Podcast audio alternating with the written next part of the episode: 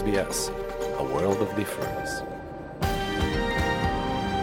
You are with SBS Mongolia on mobile, online and on radio. Та SBS Mongolian онлайн хөтөлбөртэй хамт байна. Сайн мэцгааны Австралид зугаа монголчуудаа SBS радиогоор хүрдэг монгол хэл дээрх хөтөлбөрийн шин дугаар эхлэхэд бэлэн боллоо. Хөтөлбөрийг мань сонсохоор суугаа тааруулан суугаа та бүхэндээ баярлалаа. Ингээд бид уламжлал ёсороо оршин суугаа газар нутагта хүндэтгэл үзүүлэн өнөөдрийн дугаараа эхлүүлцгээе.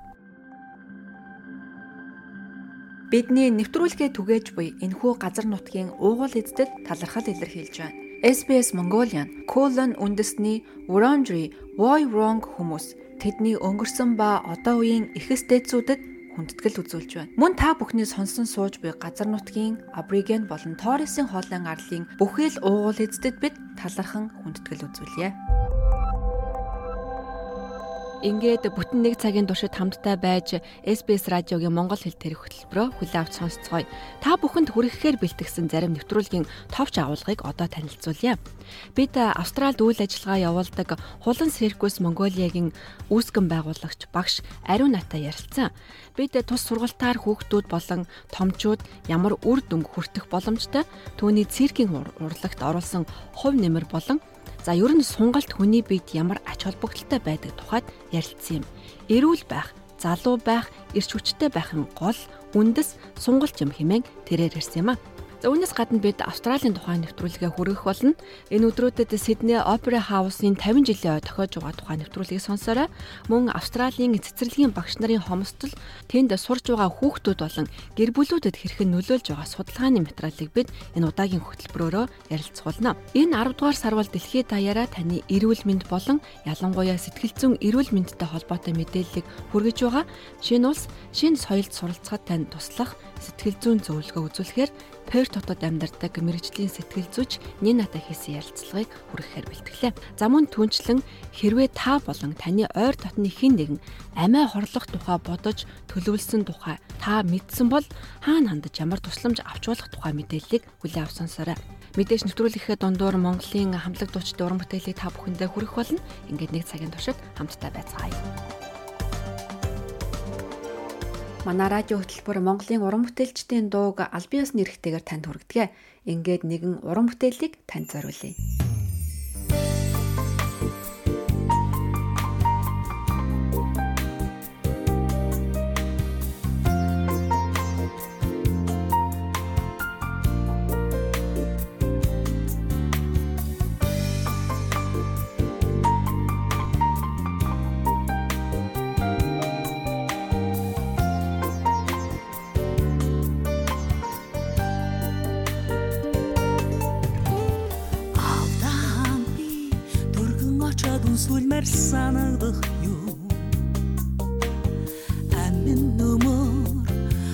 Барагитан санадултан утак суусан хацраан өнөрлүүлмэр бодох юм. Вонлин сүдэр үрээс чин хурдан үргэндэ Алдахан би хурдхан очоод сүлмэр санагдах юм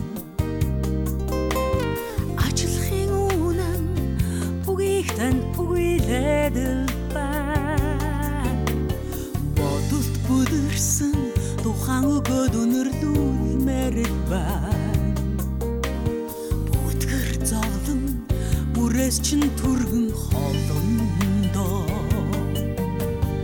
Африка зүтлээд байна Алны тань халуун санагдаад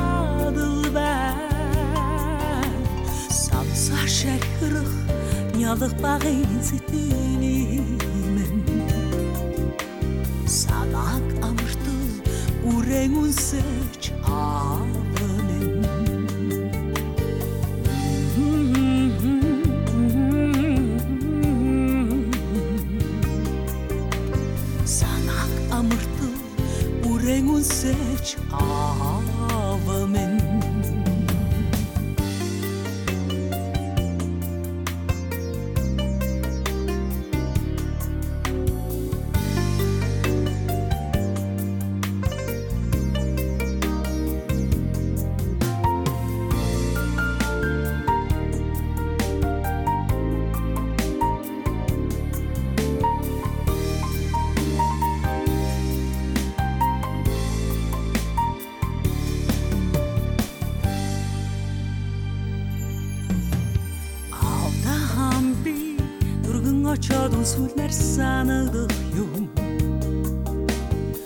Аштын жаргалт түшгийгтэн уилэдэл бай Тэнгэр авдан сэтгэлэн дэлгээд үнэрлүүлмэр л бай Тэгжил миний зүрхэнд минь наран манданда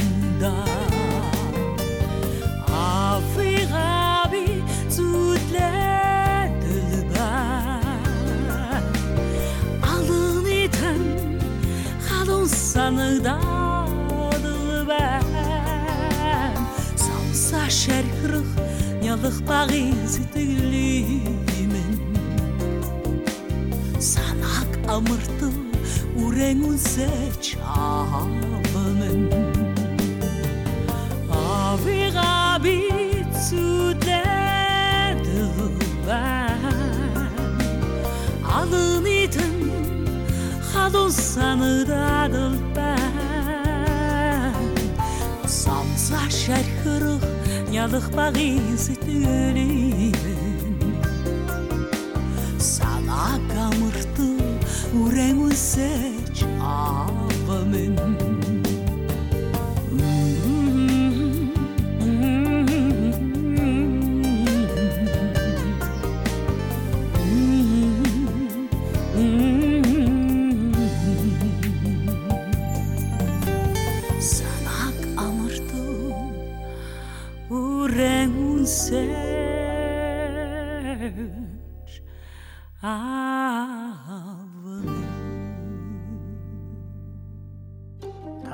SBS Монгол нэвтрүүлэгтэй хамт байна. Сайн байцгаана уу Австрал зугаа монголчуудаа. Бид 7 хоног бүр Австрал дахь монголчуудаа түүх туршлагыг та бүхэнтэйгээ хуваалцдаг. Энэ удаад бид нэр хулан циркусийн үүсгэн байгуулагч Ган болдын ариун натаа ярилцсан. Төвний анх Австралд ирсэн түүх болон хулан циркусийн үйл ажиллагаа за мөн бидний өдөр тутмын амьдралд хэрэгтэй зөвлөгөөг түүнээс сонссон юм. Ингээд ярилцлагыг хүлээн авч сонсноо. SBS Монгол хэлээр бидний нэвтрүүлгийг Facebook сошиал хуудасаар бусдаа хуваалцаарай. Сайн байна ариун нагчээ. Бидний урилгыг хүлээж авсан танд маш их баярлалаа. За баярлалаа. Ярилцлагандаа урьж оруулж байгаа. Тэгэхээр хулан циркусыг ер нь Австралид монголчуудаас сайн мэднэ. Олон ч хүмүүс бас хүүхдүүдэд явуулдаг. Өөрсдөө ч бас энд очиж хичээлдэг байсан баг. За гэхдээ яг одоо багш маань ер нь хийм бэ? Австралид хизээ ирсэн бэ? Хулан циркусыг Австралид байгуулах болсон түүхийг тэр болгон асууж амжаагүй мэдгүй байж болох юм. Тэр түүхээс ойлоо яриа уу? Миний хувьд болохоор би 6 настайгаас эхлээд спортын гимнастикаар хичээллээд тэгээд 6 дугаар анги хүртлээр спортын гимнастикт спортын мастер цал хамгаасны дараа улсын цирк жүжигчнэр бичсэн. 2-оос 3 жил жүжигчний ажил хийж агаад дараа нь тэрнээс гараад э, сургууль хүмүүжүүлэх сэтгэл судлаач, тэгээ бизнесийн менежер гэсэн хоёр мэргэжлийг эзэмшиж дуусаад энэ дугуулангаа 2002 онд байгуулж эхэлсэн. Энийг байгуулах шалтгаан маань манай хамгийн том охин маань намайг гадагшаа яваад ирсэн чинь нэх бүдүүн охин болчихсон байсан. Би яана би өөрөө ийм тэг гимнаст хийгээд уран нугаралт ийм мэрэгчлийн хүн байж ийм бүдүүн охинтой байх гэж ядаж би охиноо тураа охиноо гоё болохыг гэж бодоод тэгээ анх Монгол 2002 онд би дугуулангаа байгуулж ирсэн. Тэрнээс хойш одоо 21 жил болсон байна. За тэгээ энэ хугацаанд 300-аад хүүхэд сургаж төгсгсөн мэрэгжлийн сургалтыг би болгож эхэлсэн. Мэрэгжлийн жүжигчин бэлтгэхээр бэлтгэдэг. Мөн хажуугаар нь сайн дурын үндсэн дээр ялангуяа хүүхдүүд тал дээр илүү их ажиллах сонирхолтой байдаг. Яг гэвэл хүүхдийг багаас нь бие галбирын зөв хөгжилтэй, эрүүл чирэг, хөдөлгөөний гажил засал. Хөдөлгөөний гажил засал гэхлээр хүүхэд төрөлхийн түнхний мултралтай тий. Нуруу хөлний харьцааны одоо өөрчлөлттэй нэгсэн дуурц цээжтэй богино хөлтөөч гэдэг юм уу тий. Бүх төр хүзөө богинотойч гэдэг юм уу. Ийм маягийн затлуудыг дандаа хийх журмаар дасгал зааж эхэлсэн байна. Сонирхолтой. Тэгээд, Тэгээд Австралиас аа, салбараа та хизээ Австралид ирсэн бэ? Би анх 2015 онд Австралид очсон. Хүүхдүүдийн хамтаар очиод тэгээд бас нөгөө Монголд манай нөгөө үндсэн салбар байдаг болохоор 90 очин 90 очин явдаг хүүхдүүд маань болохоор Австралид үлдсэн. Тэгээд охин маань 2018 онд Австралийн салбарыг анх байгуулсан. Манай охин Ану Хулан гэдэг нэртэй охин маа. Тэгээд хамгийн анх Австрали дахь салбараа нээгээд бит хоёр тэрнээс хойш Австрали дахь салбартаа хоёлаа а, сая нэг хэсэг охин маань Brisbane салбар нээсэн байгаа. А, би болохоор Sydney дэх салбараа хариуцаад бит хоёр ингээ ажиллаж байгаа. А тэгвэл Хулан циркус гэдэг маань танаа охины нэр юм байна шүү дээ тий. Тий, охины маань нэр. Охиндоо зориулж анхны эсэ учраас охиныхаа нэрээр нь. дахь салбарт ер нь энд бол уран нугаралт галбиржуулах чиглэлээр яг сургалт орж байгаа тий.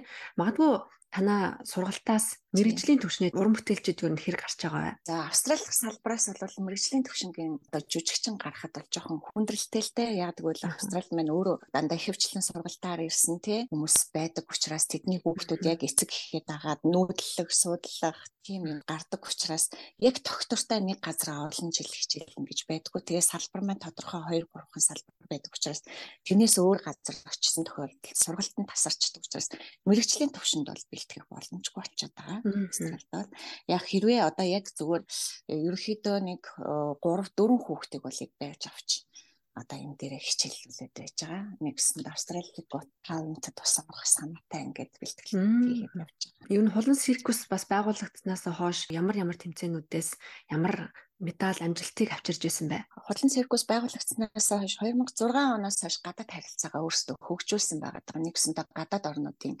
циркүүдтэй харилцах, тий, entertainment группүүдтэй харилцаж эхэлсэн.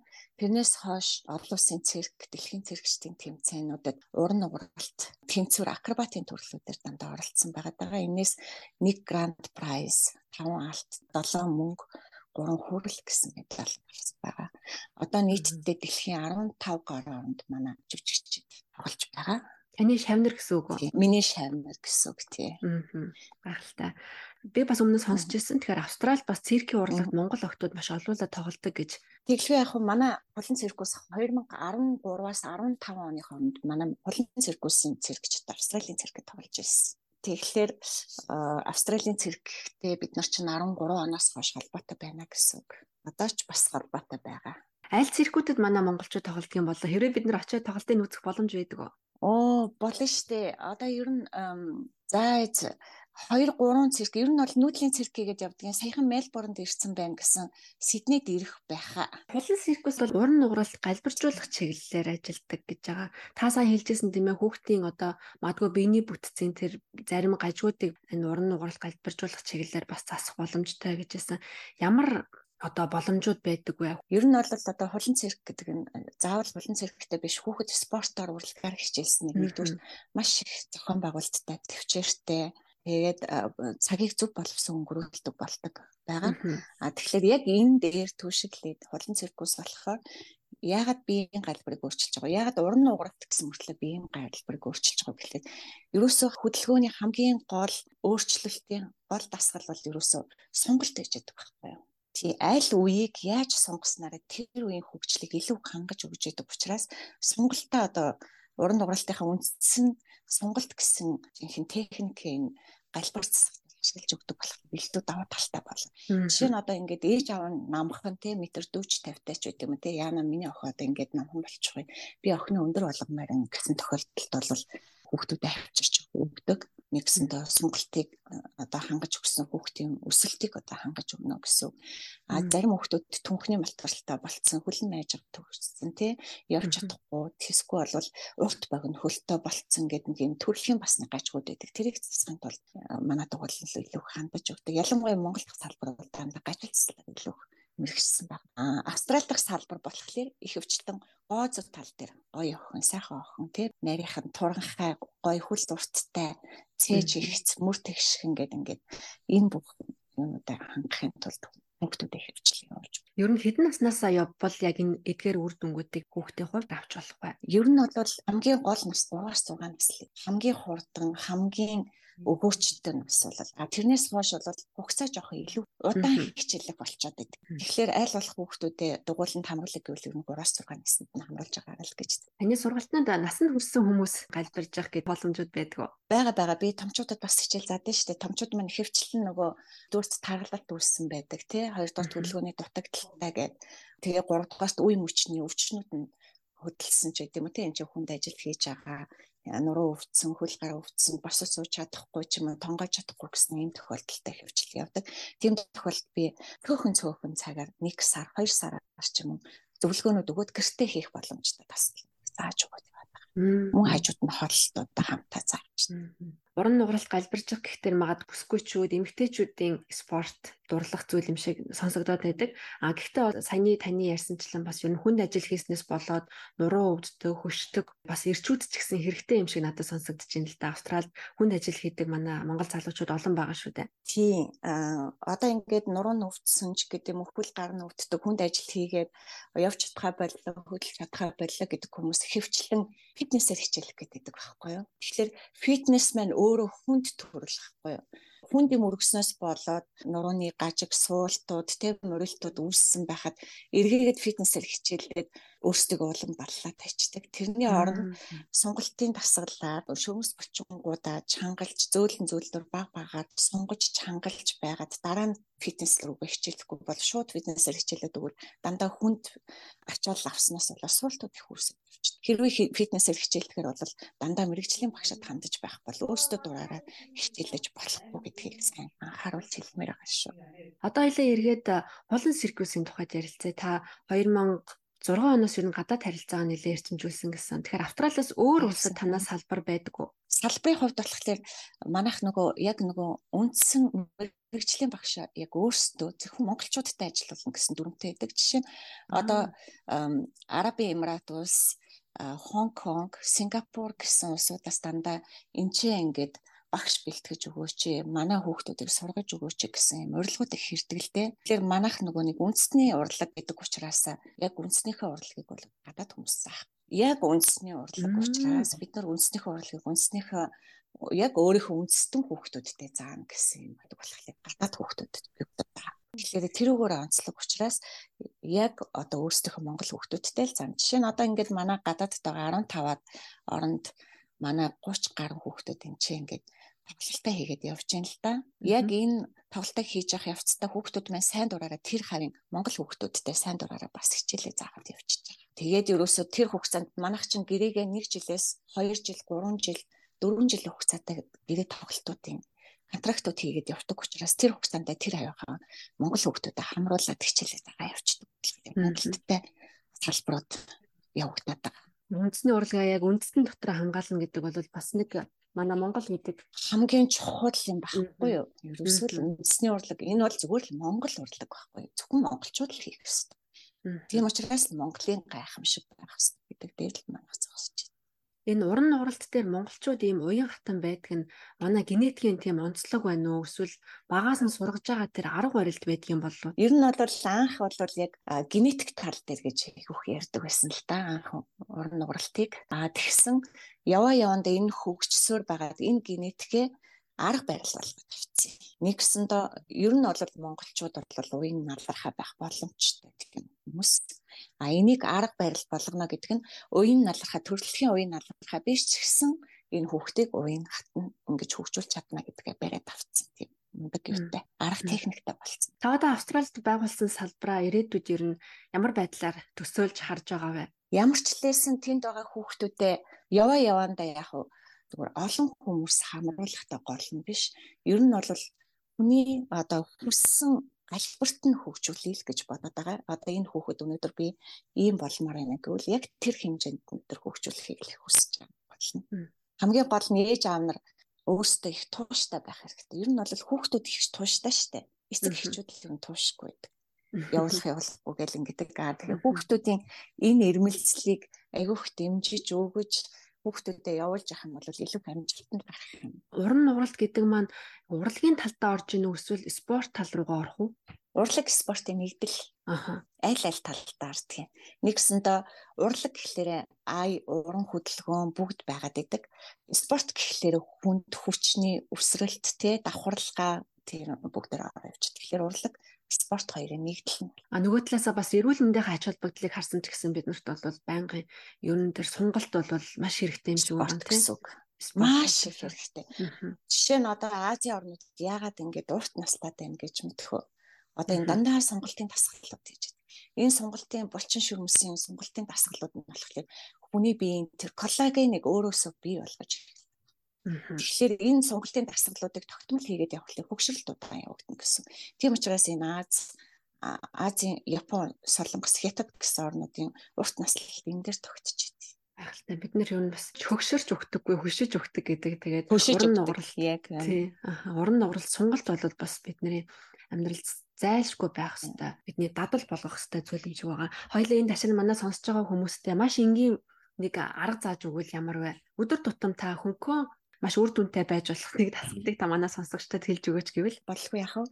Аа ерөөхдөө бол нэгдүгээрт илүү төвчнгүү байх хэвээр. Аа альва хүн илүү төвчнгүү байх юм бол өвчин хуурч байхта болно. Тэхийн тулд нэгдүгээрт маш бага багаар одоо хагас өсөглөнгийн байдалтайгаар дандаа явна. Тэгсэн мөртлөө бүр ихэд өсөхгүйгээр аа хоёрдугаарт нэг юм маш олон удаа ажиллаж идэх хэрэгтэй. тайван А ингэхээр гисэхгүй болно гэсэн. Гисэхгүй Мм. болоод ирэхлээр хөдөлгөөнд саад учрахаа болчихно. Хөдөлгөөнд саад учрахгүй байна гэдэг нь танд ямар ч хөдөлгөөн ихэд саадгүй нэгдүгээр хоёрдугаарт нуруунд дээр ачаал өхөн багс нь тургахаа болно гэсэн үг байхгүй юу? Нуруунд дээр ачаал үүс- үүсэхгүй хөдөлгөөн нь хангагдаад ирэхлээрээ ямар ч хөдөлгөөнийг дөөрэж хийх боломжтой болно. Жишээ нь одоо би сандал дээрээ суухдаа сандалныхаа 3-ны 1 дээр гизээ татаад суулаа гэхэд бусад хүмүүс хаашаага ингээд наллаад те хамаг биеэс сул тавиа сандал дээр суудаг бол ингээд нөгөө гисний одоо булчин сул болгочих байгаа байхгүй юу.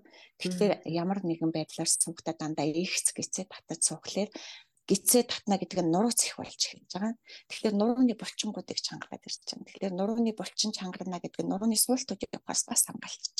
Ерөөсөө л энгийн дадлууд байх хэрэгтэй бид нар.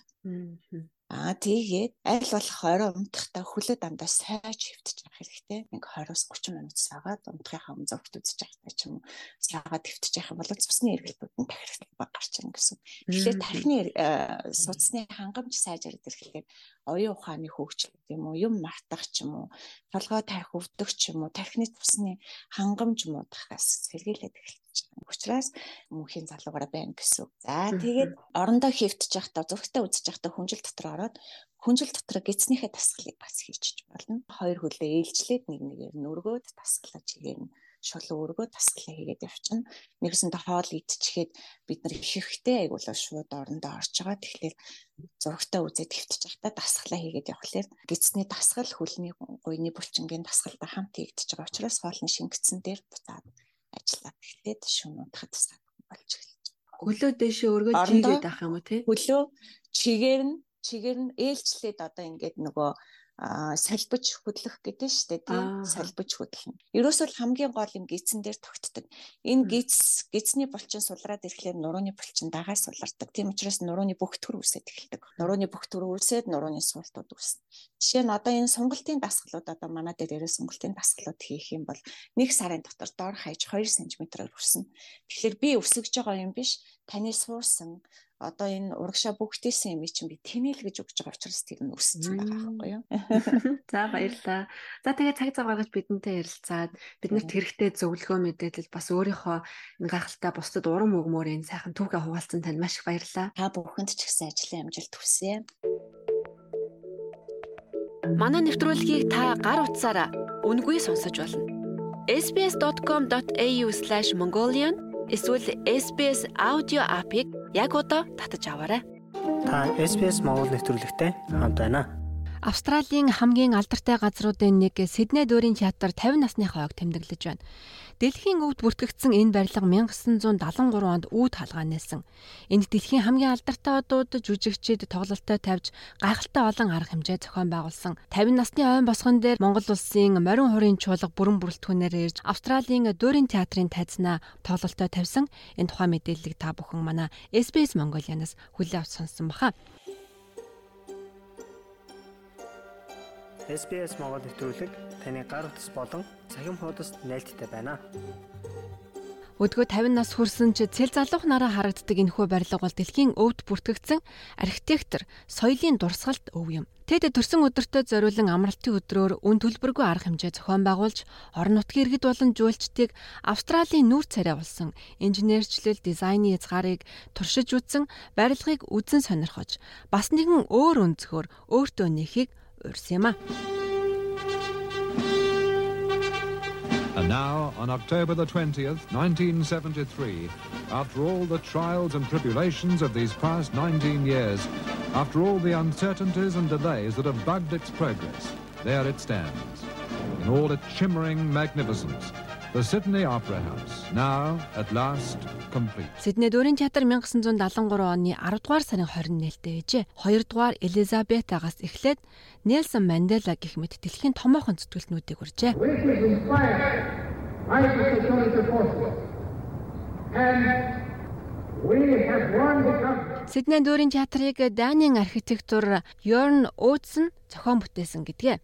Тэрээр 1955 онд зохиогдсон дизайны уралдаанд дэлхийн өнцөг бүлэмбэрээс ирсэн 232 бүтээлийг тэргүүлсэн учраас өөрийн бүтээлийг бий болгох боломжтой болсон юм. Тухайн үедээ барилгын салбар дахь тогтсон нэг ойлголтыг үгүй хийж инженерчлэл дизайны хязгаарыг туршиж үзсэн барилга гэж нэрлэж байлаа.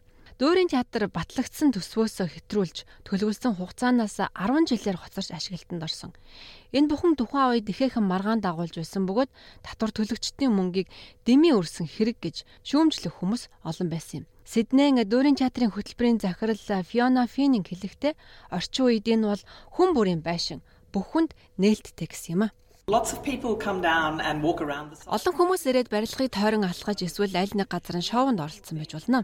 Тэгвэл бид төрсөн өдрөөрөө хүмүүсийг урьж дөөрийнхаа бүхий л өнцөг болон бүрийг үзүүлэхээс гадна уран бүтээлчдийн тоглолтыг үзхийг урих нь миний төрсөн өдөр гэж бодож байна. Барилгыг харахаас гадна Джон Кобурн, Джон Свизерлендийн тайзны хөшиг түүний цаана юу болж байгааг мэдрэх мөн архитектурыг нь сонирхохоор тэд ирээсэй гэж би хүсэж байна. Энэхүү гайхамшигт барилга бол Австралийн анхны үндэстнүүдийн хувьд ач холбогдолтой юм хэмээн хадагтай Вининг ярьлаа. I guess that the, this site um, right on the harbour was a very significant. Яг энэ бомбд дээр энэ газар маш чухал газар байсан. Бид энэ байгууламжийн утгын талаар анхны үндэстнүүдийн нийгэмлүүдтэй нэгт хамтран ажиллаж байгаа бөгөөд манай төрсөн өдрийн арга хэмжээнүүдийн нэг хэсэг болох Меган Копийн шивэнсэн үгс нэртэй төслийг хэрэгжүүлсэн нь маш чухал арга хэмжээ болсон. Бомбын эргэн тойронд байсан. Тэр дундаа энэ газар дээр байсан дундад үеийн эргэн тойрондох уран баримлын хэлбрээр дахин дурсах сайхан байна. Энэд бид анхны үндэсний түүхүүдтэй холбогдохыг хүсэж байгаагийн нэг юм.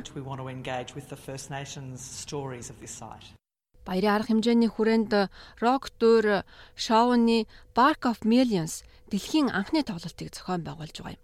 Үүнд зураа Ligato Шоколандын бүтээл юм а. Энд одоо миний мэдэрч байгааг багтааж байна. Гэхдээ энэ бол архитектурын гайхамшигт бүтээл болохоор энд ирэхэд миний гайхашрлыг төрүүлсэн зүйл байсаар байна. Сидней дүүрийн театрт анхны тоглолтоо хийсэн хүн бол Америкийн өнгөт арист бас баритон жүжигчин иргэний эрхийн төлөө тэмцэгч Пол Робинсон байсан юм а. 1960 онд тэрээр барилгын ажилд зориулан Oh Man River нэртэй шоу хийсэн юм. He must know something, but don't say nothing. He just keeps rolling. He keeps on rolling along. He don't plant potatoes, he don't plant cotton. Them that plants them is soon forgotten, but old man river, Энэхүү чухал үйл явдлын төрсөн өдрийг тохиолдуулан Сидней дүүрийн театр амралтын өдрүүдэд нээлттэй хаалганы өдөр зохион байгуулжээ. Түүхэн ойн жилийн өдрүүдэд Монголын морин хүрийн чуулган анх удаа Сидней дүүрийн театрт бүрэн бүрэлдэхүүнээр тоглолтоо хийсэн мөлий.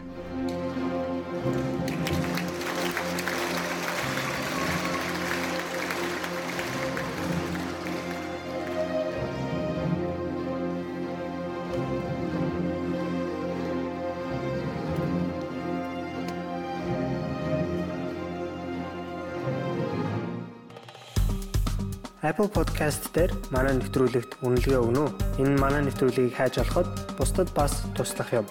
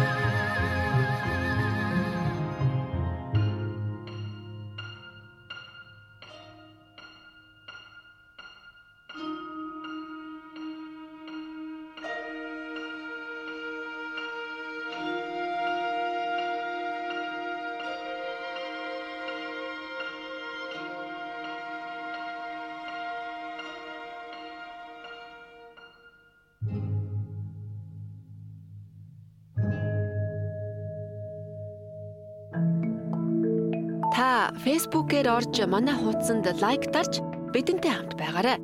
Бид таны саналыг сонсохдоо үргэлж баяртай байх болно. SBS Mongolian Facebook хуудас. Та SBS Монгол хэл дээрх радио хөтөлбөртэй хамт байна.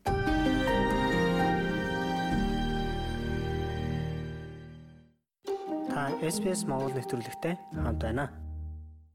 Сайн бацгаана уу? SBS Mongolia-тай хамт байгаа сонсогч та бүхэндээ баярлалаа. Энэ удаад бид нэр Баруун Австралийн Perth хотоос Нина агчтайгаа холбогдоод байна. Сайн уу? Аа сайн байна уу? Нина агчаагаа танилцуулахад Баруун Австралийн Куртны их сургуулийн докторант, анагаахын сэтгэл судлаач, сэтгэл засалж мэрэгчлээ. Тэгэхээр Баруун Австралда сэтгэл судлалын төвд 13 жилийн туршид ажиллаж байгаа юм хүн. Таны ажилдаг байгууллагын сайтаас би харахад таныг 3 улсын туршлагатай гэж танилцуулсан байсан. Анх Австралид хизээ ирж бай, өмнө нь одоо мэрэгчлээ хаана эзэмсэн гэх мэт. Та өөрийнхөө тухай танилцуулаач. Тийм 1989 онд 10 жилээ төгсөөд баруун зүүн Герман нийлж яхад 1990 онд Берлин хотод очиж анагаахын сэтгэл судлал гэдэг мэргэжлэр сургуульд орж байсан. Тэндээ нөгөө нийгмийн өөрчлөлтөд шалтгаалаад бид нэр бараг 11 жил амьдарсан. Тэгээ Монголд бас 4 5 жил ажиллаж амьдраад тэгээд одоогоос 15 жилийн өмнө одоо Австралид амьдрахаар Саут Австралийн Адлайд гэдэг хотод виз аваад ирж исэн. Тэгэхээр эх орондоо байжгаад гадаад улс руу амьдрна гэдэг бол да hero to zero гэж нэг юм үзэгдэл болдог тий тааж бас мэдчихэж байгаа. Бид нар бол бүгдээрээ л энийг туулаад гарч байгаа. Магадгүй ямар нэгэн байгууллагын захирал хийж исэн хүн энд хурж ирээд шинэ орчин, шинэ хэл, шинэ нийгэм, шинэ соёл бүх юм бүгдээрээ шинэ байдаг.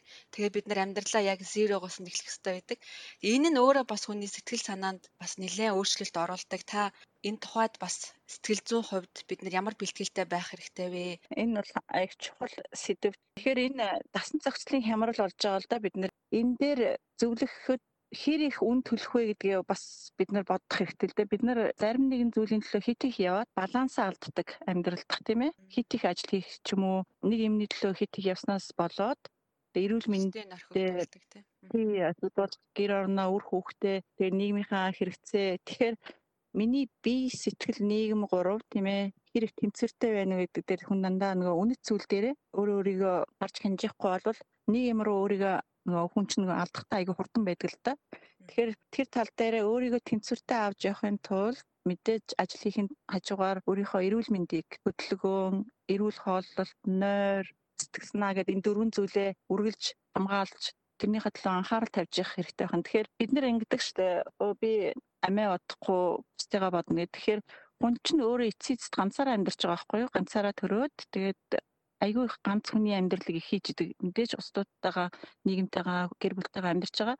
Надад юу хэрэгтэй байна вэ? Миний эрүүл мэнд, миний сэтгэл санаа, миний одоо нийгмийн амьдрал тэгээ аль аль нь чухал гэдэг утгаараа өөрийнхөө хэрэгцээг их сайн анхаарч өөртөө их анхаарал тавих хэрэгтэй байгаа. Би өнөөдөр доктортай авах юм бол миний гэр орон доктортай тэгээд цаашлаад амьдрал маань доктортай байх нэ гэсэн гэж ойлголоо би. Яг үнэ. Яг үнэ. Би таны ярианаас нэг юм гурвыг маш их тогтоож авлаа бие сэтгэл нийгмийн уялдаа холбоо гэдэг үгийг та маш их хэллээ. Энэ бол энэ бол яг таны ажиллаж байгаа салбарын үндсэн ойлголт тулгуур байх шиг байна. Та энэ тухайгаа жоохон тодруулж яриач. Энэ ерөөсө хүн чинь л биетэй сэтгэлтэй нийгэмтэй цогцоор амтан байхгүй юу. Тэгэхээр ерөөсө энэ гурав чинь нийлж ижил бид нарыг бий болгож байгаа юм тий. Бидний бүх хэрэгцээ энэ гурван зүйлийн дор байгаа шүү дээ. Тэгэхээр ерөөсөө хүн амьдрахдаа өөрийнхөө хэрэгцээний төлөө амьдрдаг. Тэгэхээр өөрийнхөө хэрэгцээг алдагдуулахгүй тийм баланстай тэнцвэртэй авч явахын тулд энэ гурвыг гурван юм хийхээс өөр арга байхгүй байх нь л дээ. Тэгэхээр одоо хотод өвдөх юм бол эн чинь биеийн хэрэгцээ боловч сэтгэлийн сэтгэл санааны хүчин зүйл нөлөөлнө гэдэг байгаа шүү дээ. Тийм тэгээд тэрэнд чинь бас нийгмийн асуудлууд явж байгаа шүү дээ. Тэгэхээр ерөөсөө өөрийнхөө хэрэгцээг цогцоор нь харах тийм хаан тийм тухайн хүний ерөөсөө нөгөө бид нар чинь нөгөө нэг мэрэгэн ухаан гэдэг яриад байгаа шүү дээ wisdom гээл тийм энэ ч ерөөсөө хүний мэрэгэн ухаан нь баггүй өөрийгөө авч явах тийм цогцоор нь өөрийгөө цогцоор нь харах би өөрийгөө одоо сэтгэл зүйн асуудалтай болчлоо гэдэг шинж тэмдэг юу гэдэг юм бэ? Одоо ханиа төрөл ханиалгадаг гэдэг шиг тий. Сэтгэл зүгээрээ би өвдлөө гэвэл хамгийн түрүүнд ямар шинж тэмдэг байх вэ? Нойр их хүний чухал процесс. Нойрны тал дээр өөрчлөлт орно. Хоол ундны тал дээр хүний хоолоо их идэх бага идэх ч юм уу тий янз бүрийн хандлага гардаг. Тэгээд өдөр тутмын үйл ажиллагаанд ажил ямар нэгэн байдлаар хүний өдөр тутмын дадал үйл хөдөлгөөнд өөрчлөлт ордог. Тэрийг их сайн харах хэрэгтэй. Энэ үеийг даван туулах яг нэг алтан гурван зөвлөгөө өгөөч гэд яг ингээ нэрлээд нэрлээ гурван тип өгвөл Тэгэхээр эхний зүйл юу вэ гэхээр өөрийнхөө яагаад энд ирснийгаа дандаа санах хэрэгтэй. Юуны төлөө явж байгаа тий. Тэр чинь бидний ингээ хурцлдаг штэ. Тэр тий сэтгэл санааны байдал дээр хямарсан үедээ бид нар яагаад гэдгийг иргэн санах нь эхний алхам тий. Тэр үнэт зүйл дээрээ толгуурсан шийдвэр гаргаж ирсэн штэ. Тэгээ хоёр дахь зүйл маань юу вэ гэхээр эрүүл мэнд. Одоо хүний эрүүл мэндэд юу орох вэ гэхээр биеийн болон сэтгэлийн эрүүл мэнд. Тэрийг золиослохгүйгээр бид нар тэрийг хийх хэрэгтэй тий.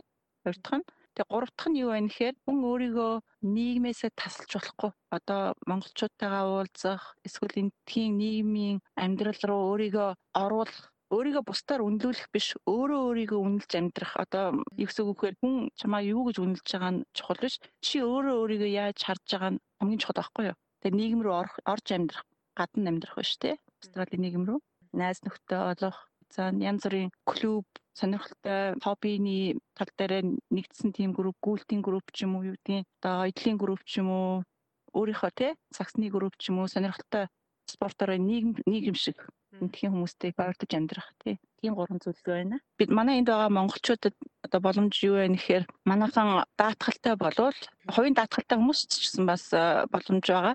Даатгалаараа сэтгэл зүйн тусламж үйлчлэгийг авах эрх байгаа шүү дээ. Тэгээ улсаас тодорхой хэмжээний төлбөрийн төлөөд өөрийнхөө өөрөөсөө бас тодорхой хэмжээний төлбөрийг гаргаж магадгүй эсвэл бүр улсаас 100% төлдөг гэсэн үйлчлэгнүүд бас байгаа. Тэгэхээр одоо жишээ нь 100 доллар нэг сэтгэл зүйчэд төлөхөд 89-ийн ч юм уу 90-ийн өөртөө буцаагаад улсаас авчдаг байхгүй юу?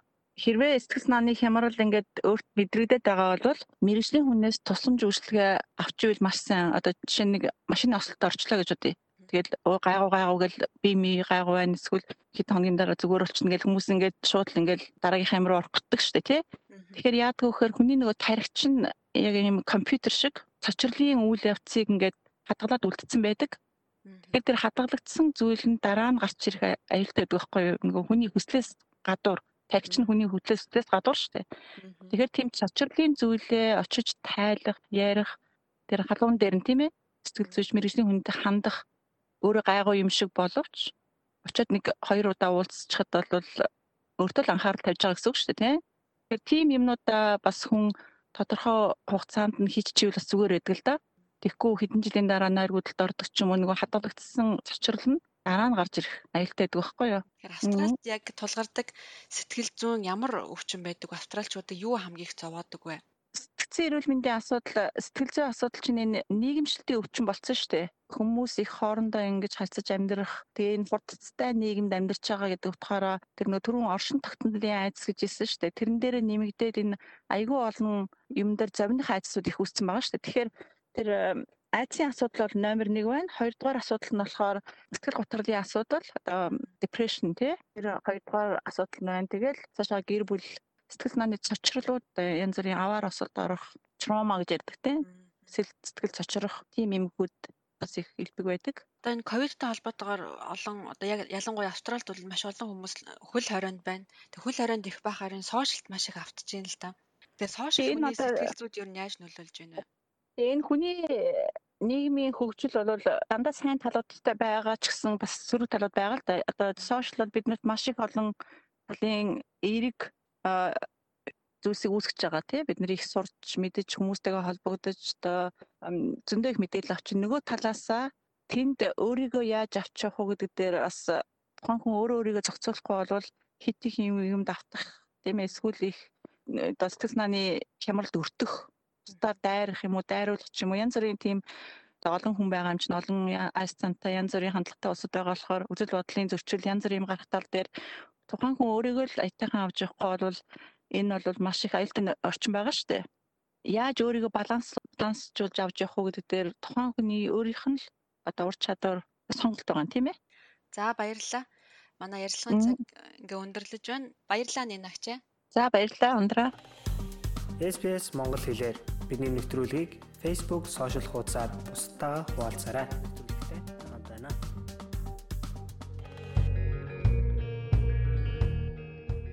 Сайн байцгаана уу сонсогчдоо. Энэ 10 дугаар сар бол эрүүл мэнд төр дундаа таны сэтгэл зүйн эрүүл мэндийн асуудалд анхаарлаа хандуулдаг сар юм. Тэгэхээр энэ удаад бид нэрэ танд өөрт болон өөрөө л тусламж хэрэгтэй болсны шинж тэмдэг юу байж болох За хэрвээ тань тусламж хэрэгтэй бол хаана хандах? Тэр дундаа англиас өөр хэлээр ярьдаг хэл соёлын ялгаатай нийгэмлэгүүд хаанаас тусламж авч болох тухай мэдээллийг хүргэж байна.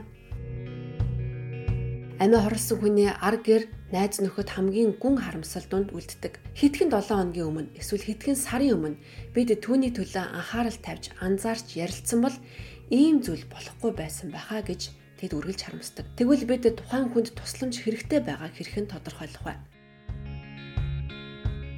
Ихэнх тохиолдолд тэд ийм үйлдэл хийхээс өмнөх үеийн сэрэмжлүүлэх шинж тэмдгийг таньж мэдэж чадаагүй улмаас ийм хүнд байдалд ордог гэж Lifeline Австралийн байгууллагын судалгааны ахлах ажилтан Ана Брук ярьсан юм а. Тэрээр анхааруулга дохиог таних, амиа хорлох гэж байгаа хүнтэй хэрхэн ярилцах, сонсох, тусламж авахын тулд хаашаа хандхаа мэддэг байх нь ирээдүйд ирэх олон гашуудлаас таныг сэргийлж чадна гэлээ. Амиа хорлох тухай ярихтай тухайн хүн бүрийн замнал түүх өөр байдгийг санах хэрэгтэй. Түүнчлэн хүнд илэрч болох өөрчлөлтүүд ч анзаарагдам өөр байдаг гэн. Ажлаасаа гарах халагдах, гэр бүл салалт, гэр бүлийн элдв маргаан, эрүүл мэндийн байдал нь өдөөгч хүчин зүйл болдог. Иймэрхүү нөхцөл байдал нь ямар ч анхааруулгагүйгээр эсвэл хувь хүний буруутай үйлдэлээс болж тохиолдож болно. Ихэнхдээ хүний амьдралд хөрвөх цэг болдог гэж доктор Брук ярьсан юм. Тэгвэл тэр хүмүүст болон танд ямар шинж тэмдэг илэрч болох вэ? Бусдаас харилцаагаа таслах, нойр солигдох, төвлөрч чадахгүй байх, үхэл эсвэл өөрийгөө гимтэх тухай бодох, ярих, найдваргүй, үн цэнгүй, арчаагүй байдалд орсон тухайга илэрхийлэх. Амиа хорлох шалтгаан нь нэхвчлэн маш нарийн төвөгтэй олон хүчин зүйлээс үүдэлтэй байдаг. Хүмүүр зовлон зүтгүүрийг өөр өөрөөр мэдэрч хариу үйлдэл үзүүлдэг Гэхдээ зарим хүмүүст илэрхий гаднах шинж тэмдгүүд илэрхгүй байх нь ч бий. Тиймээс найз нөхөд ойр дотны хүмүүс анхааруулга болон өргөж байгаа улаан тугийг олж харвал өөрийн зүүн совингаа дагах нь чухал юм гэж эмчээрсэн юм а. Одоо цагтай байж яг одоогоор амьдр. Хин нэгэн хүн өөрийгөө гимтэх гэж оролцсон тухайга эсвэл энэ тухай бодлоо илэрхийлвэл тэдэнтэй хамт сууж ярилцах цаг болжээ гэсэн тохио. Ярилцаад тэднийг ажиглаарай гэж доктор Брук ярьж байна амиа хорлох талаар бодож байгаа эсхийг шууд хоёрдмол утгагүйгээр асуу. Асуух нь зөв, асуух нь чухал. Амиа хорлох тухай ярих нь энэ талаарх бодол төрүүлдэг гэсэн нийтлэг буруу ойлголт байдаг гэж юмж анхаарууллаа. Үнэн хэрэгтээ зөв цагтаа энэ сэдвийг шууд хүндгэн амиа хорлох бодолтой тэмцэж байгаа хүмүүсийг чөлөөлж чаддаг. Энэ нь тэднийг халамжилж, ойлгож, сонсоход бэлэн байгаагаа харуулж байгаа явдал юм. Хэрэг тэд өөрийгөө хорлох тухай бодлуудын талаар ам нээвэл одоотой байгаарай. Энэ мөчтөө амьдраарай гэж зөвлөх хэрэгтэй гэж доктор Брук хэлж байна. Өнгөрснийг бодохгүй, ирээдүг төсөөлөхгүйгээр яг одоогийн байгаагаараа амьдрах нь зөв юм. Тэднийг мэдрэмжээ илэрхийлэх боломжийг өгч шүүмжлэхгүйгээр сонсоорой. Тэгвэл хаана хандаж тусламж авах вэ? Танд хэн нэгэн өөрийгөө гэмтэх, амиа хорлох тухай бодол мэдрэмжээ илэрхийлэхэд танч бас айдас төрүүлж хэцүү байж болох юм. Тэгвэл туслахыг хичээж байгаа танд болон амьдралыг төгсгөхөөр зорьсон хоёуланд нь дэмжлэг өгөх олон их сурвалжууд Австралид бий. Хэрвээ хэн нэгэн шууд аюулд өртсөн бол гурван ширхэг тэг буюу тэг тэг тэг гэсэн дугаарт утсаараа залгаарай. Хэрв тэд зовж шаналж байгаа боловч шууд аюулд өртөөгөө байгаа бол Lifeline болон Beyond Blue зэрэг үйлчилгээнд хандаж болно. Тэд 7 хоногийн 7 өдөр 24 цагийн туршид ажилладаг юм. Та мөн чат бичиж утсаар ярих үйлчилгээгч авч болно. Хэрв та англи хэл сайнгүй гэж санаа зовж байгаа бол орчуулагчийн үйлчилгээ авах боломжтой. Та 13 14 50 дугаар руу хандаж тусламж аваарай. Австралийн сэтгцэн эрүүл мэндийн нийгэмлэг олон хэлээр ярьдаг чатботын үйлчилгээ явуулдаг. Хэрвээ та эртхэн цаг авч чадвал GP болон сэтгэл зүйн зөвлөгөө өгөх хүнтэй ярилцаж үзэх нь дээрэмгэж доктор Брук зөвлөж байна. За гэхдээ хин нэг нь өөрийгөө гимтэх тухайга танд илэрхийлсэн бол хайртай хүмүүсээ хэрэгтэй зохих тусламж үзүүлж чадах мэрэгжлийн хүн эмч нартай холбож дараагийн хийх алхмуудыг төлөвлөх нь маш чухал юм. Дараа нь та ойр ойрхон уулзаж байхыг зөвлөж байна. За тэдэнд санаа тавьж байгаагаа мөн тэдний ирээдүйд хамт байхыг хүсэж байгаагаа хэлээрэй. Одоо энэ сэдвийг монголчууд бидэнд илүү ойр төвшөнд ярилцъя. Өөрөөр хэлбэл Австральд хэл соёлын ялгаатай иргэдийн хувьд хаанаас ямар тусламж авч болох тухай сэдвийг хөндөё. Сэтгэл зүй асуудлын талаарх дэмжлэг авахд саад бэрхшээлтэй тулгардаг Ялангуяа шинээр ирсэн хүмүүсийн хувьд асуудлаа ярилцах хөнгүү байх нь тэдэнд илүү хэцүү байдаг. Энд нэг тоо анхаарал татаж байна. Нэг жилийн хугацаанд гарч байгаа нийт амиа хорлсон тохиолдлын 21 орчим хувийг хэл соёлын ялгаатай иргэд эзлэж байгаа юм. Энэ нь 700 болон түүнээс дээш хүн гэсэн үг гэж Австралийн сэтгцэн эрүүл мэндийн нийгэмлэгийн гүйцэтгэх захирал Васан Срина Васан ярьсан юм а. Тэрээр хэлэхдээ хэл соёлын ялгаатай нийгмийн энэ хэсэгт амиа хорлох тухай ярилцах нь маш хүнд сэдэв байдаг гэлээ. Харамсалтай нь бид сэтгцэн эрүүл мэндийн талаар ярьдаггүй, үүнд ач холбогдол өгдөггүй, даалд нуухыг хичээдэг гэж тэр ярьлаа. Австралчууд энэхүү хэл соёлын ялгаатай нийгэмлүүдтэй амиа хорлох талаар ярилцахдаа эдгээр хүчин зүйлийг нь анхаарч соёлын мэдрэмжтэй, хүндэтгэлтэй байдлаар хандах хэрэгтэй. Тэгвэл тэд хаанаас тусламж авч болох вэ? Австралийн сэтгцэн эрүүл мэндийн нийгэмлэг зөвхөн тусламж хэрэгтэй хүмүүсийг дэмжих төдийгүй сэтгцэн эрүүл мэндийн талаарх мэдлэг дээшлүүлэх сургах зорилгоор 90 орчим нийгмийн бүлгүүдтэй холбоотой ажилладаг юм байна. Өнгөрсөн жилээс эхлэн сэтгцэн эрүүл мэндийн тусламж үйлчилгээг 114 хэлээр 24 цагийн туршид ажилладаг олон хэлтэй чатботоор дамжуулан үзүүлсэн байна. Энэхүү чатбот нь эхний өдрөө гэхэд 1760 чат хүлээж авсан. Үүний гол сэдв нь амиа хорлох, айдас төгшүүр зэрэг байсан гинэ. За мөн мандарин, япон, швед, польш, герман, турк, итали хэлүүд хамгийн түгээмэл байсан байна. Асар их эрэлт хэрэгцээ тэнд байдаг гэж ноён Сэрени Васан ярьсан юм а. Тус байгууллагаас олон үндэсний сэтгцийн эрүүл мэндийн талаар хийсэн судалгаагаар 2020-оос 21 оны хувьд эдгээр нийгэмлэгүүд дижитал чатыг илүүд үздэг бөгөөд 60 гаруй хувь нь нүүр тулсан зөвлөгөө авахын оронд онлайнаар зөвлөгөө авахыг илүүд үзсэн байна. Хэрвээ танд болон таны ойр дотны хэн нэгэнд яаралтай тусламж хэрэгтэй байгвал 3 тэг буюу тэг тэг тэг гэж залгаарай. Нэвтрүүлгийн туршид дурдсан эдгээр их сурвалжуудыг болон бусад сэтгэл зүйн эрүүл мэндтэй холбоотой тусламж үйлчилгээ авч болох дугаар вебсайтуудыг бид нэвтрүүлгийн тайлбар хэсэгтээ орууллаа. Ингэхдээ бид таны оршин сууж байгаа нутаг дэвсгэр бүрээр нь англи нь тавьсан байгаа шүү.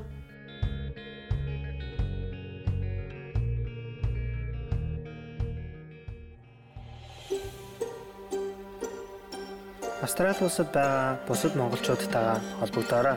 SBS.com.cg юу урагшаа зураас Mongolian хуудасаар зочлоорой.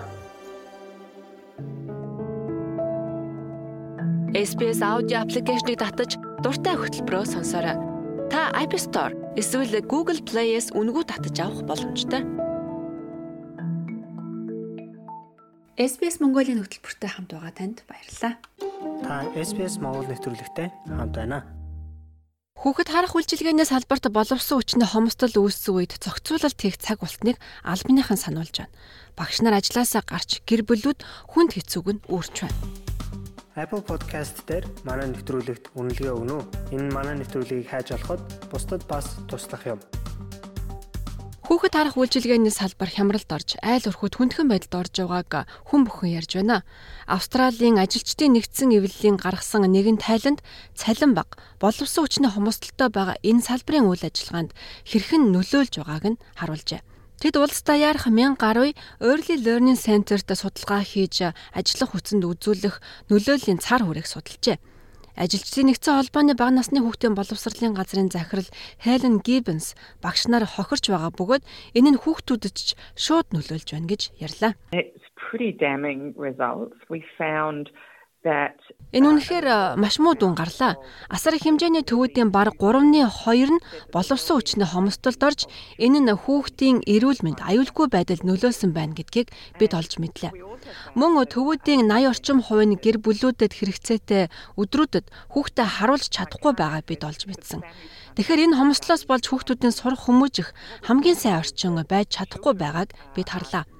Мөн хомсдлоос болж гэр бүлүүд шаардлагатай тусламж үйлчлэгийг авч чадахгүй байгааг бид оллоо. Аимшигтай нөхцөл байдал. Бага насны хүүхдийн боловсролын салбарт цалин бага байгаа нь ажилчид ажилласаа гарах хамгийн чухал шалтгаан болж байна гэж тэрээр нэмж хэллээ. Цалин нэмэх нь энэ салбарын асуудлыг довтуржуулахад туслана гэж тэр үзэж байна. Илүү олон хүн ажилласаа гарч байна олон хүн явах тусам ард үлдсэн хүмүүст илүү хэцүү байдаг. Энэ бол зөвхөн бага насны боловсролын байгууллагын асуудал биш. Энэ нь хүүхдүүд болон гэр бүлийн хувьд үнэхээр хэцүү болохыг манай судалгаа харуулж байна. Энэ байдал цааш үргэлжлэж болохгүй. Бид энэ асуудлыг засах ёстой. Тэгэхгүй бол энэ салбар уналтанд орно. Jessica Rad The Parenthood гэдэг группийн гүйцэтгэх захирал хямралаас үүдэн олон хүн ажиллах боломжгүй болж байгаа тухай мэдгдлээ. Эцэг эхчүүд бага насны хүүхдийн боловсрал эзэмшиж хүүхдээ асран хүмүүжүүлэхийг маш их хүсэж байна. Тэд зөвхөн хүүхдийн боловсролыг төдийгүй өөрсдөө ажиллах боломжтой байхыг ч хүсэж байна. Энэ бол амжиргааны өртгийн хямрал юм. Боловсролын газрын мэдээлснээр хүүхэд харах үйлчилгээний ажилтнуудын 90 гаруй хувь нь эмэгтэйчүүд байдаг. Австралийн статистикийн товчоо эмэгтэйчүүд хүүхдээ хардгаас ажиллаа хийж чадахгүй байх нь хамгийн том хүчин зүйл гэж мэдэгдэжээ. Хамгийн сүүлийн тайлангаас харахад 2020-оос 21 онд бүтэн цагаар ажиллаж чадахгүй байгаа 2.8 сая хүн байна. За мөн ажил хайж байгаа эсвэл хагас цагаар ажилдаг 1.7 сая хүн. Ажлын цагаа нэмэгдүүлэх хүсэлтэй 1.1 сая хүн байна мөн 7 хүн тутмын нэг нь ойрын 4-7 хоногт ажиллах боломжгүй эсвэл илүү цагаар ажиллах боломжгүй байна. Тэдний 3-ны 2 нь эмэгтэйчүүд байгаа юм.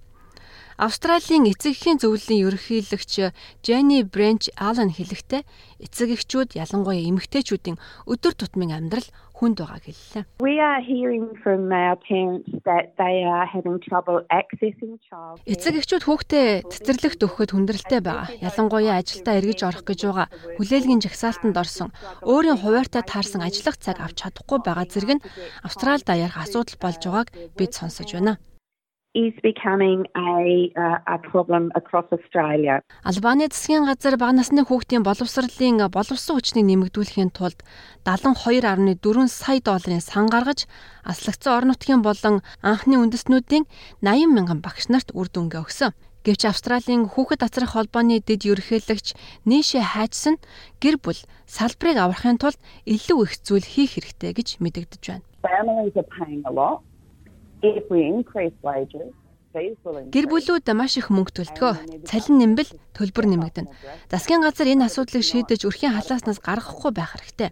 Бид үйлдвэрчний эвлэлийнхэнтэй зөвшөлдсөц сайн үр дүнд хүрэхээр ажиллаж байна. Холбооны засгийн газар ширээний ард ирж цалингийн өсөлтийг санхүүжүүлэхээр тохиролцох нь асуудлыг шийдэх эцсийн гарц байх болно. Бид үүнийг тэсрийн ядан хүлээж байна. Энэ нь манай салбарт сайн үр дүнд хүргэнэ гэдэгт би маш итгэлтэй байна that uh, it's going to bring a good outcome.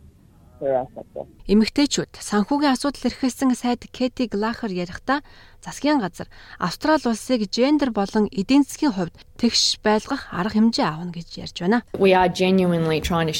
Бид өөртөөгөө боломжит мөнгөө эдийн засагт үзүүлэх зарим өөрчлөлтийг бодитоор мэдрэхийн тулд хичээн ажиллаж байна. Манай хүн амын 50% нь хөдөлмөр эрхэлдэггүй эдийн засагт өөрсдийн хүссэн хувь нэмрээ оруулж чаддгүй байгааг хэлгэсэн юм а. Үүний зарим нь хүүхэд харах үйлчлэгээтэй холбоотой, за зарим хэсэг нь халамжлах үүрэгтэй ч холбоотой.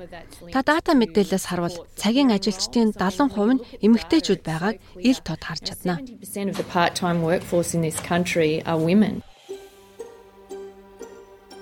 Австрали улсад байгаа бусад монголчуудтайгаа холбогдоорой. SBS.com.cg юу уршаа зураас Mongolian хуудасаар зочлоорой. SBS радиогийн монгол хэл дээрх хөтөлбөртэй хамт байсан танд баярлалаа. Ирэх 7 хоногийн пүрэв гарагт 2 цагт эргээд уулзцагаая. Түр баяртай. SBS.com.cg ташуу зураас Mongolian таны онлайн өргөө байх болно.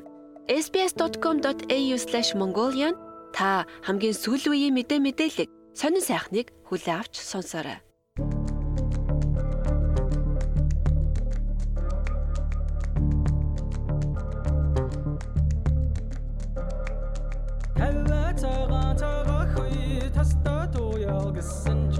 Тайгын оригод нутага хой орихо дэрэнэ гэсэн чин Урра цага цага хой таста туя гэсэн чин Хортэг сэртгэ нутага хой орихо дэрэнэ гэсэн чин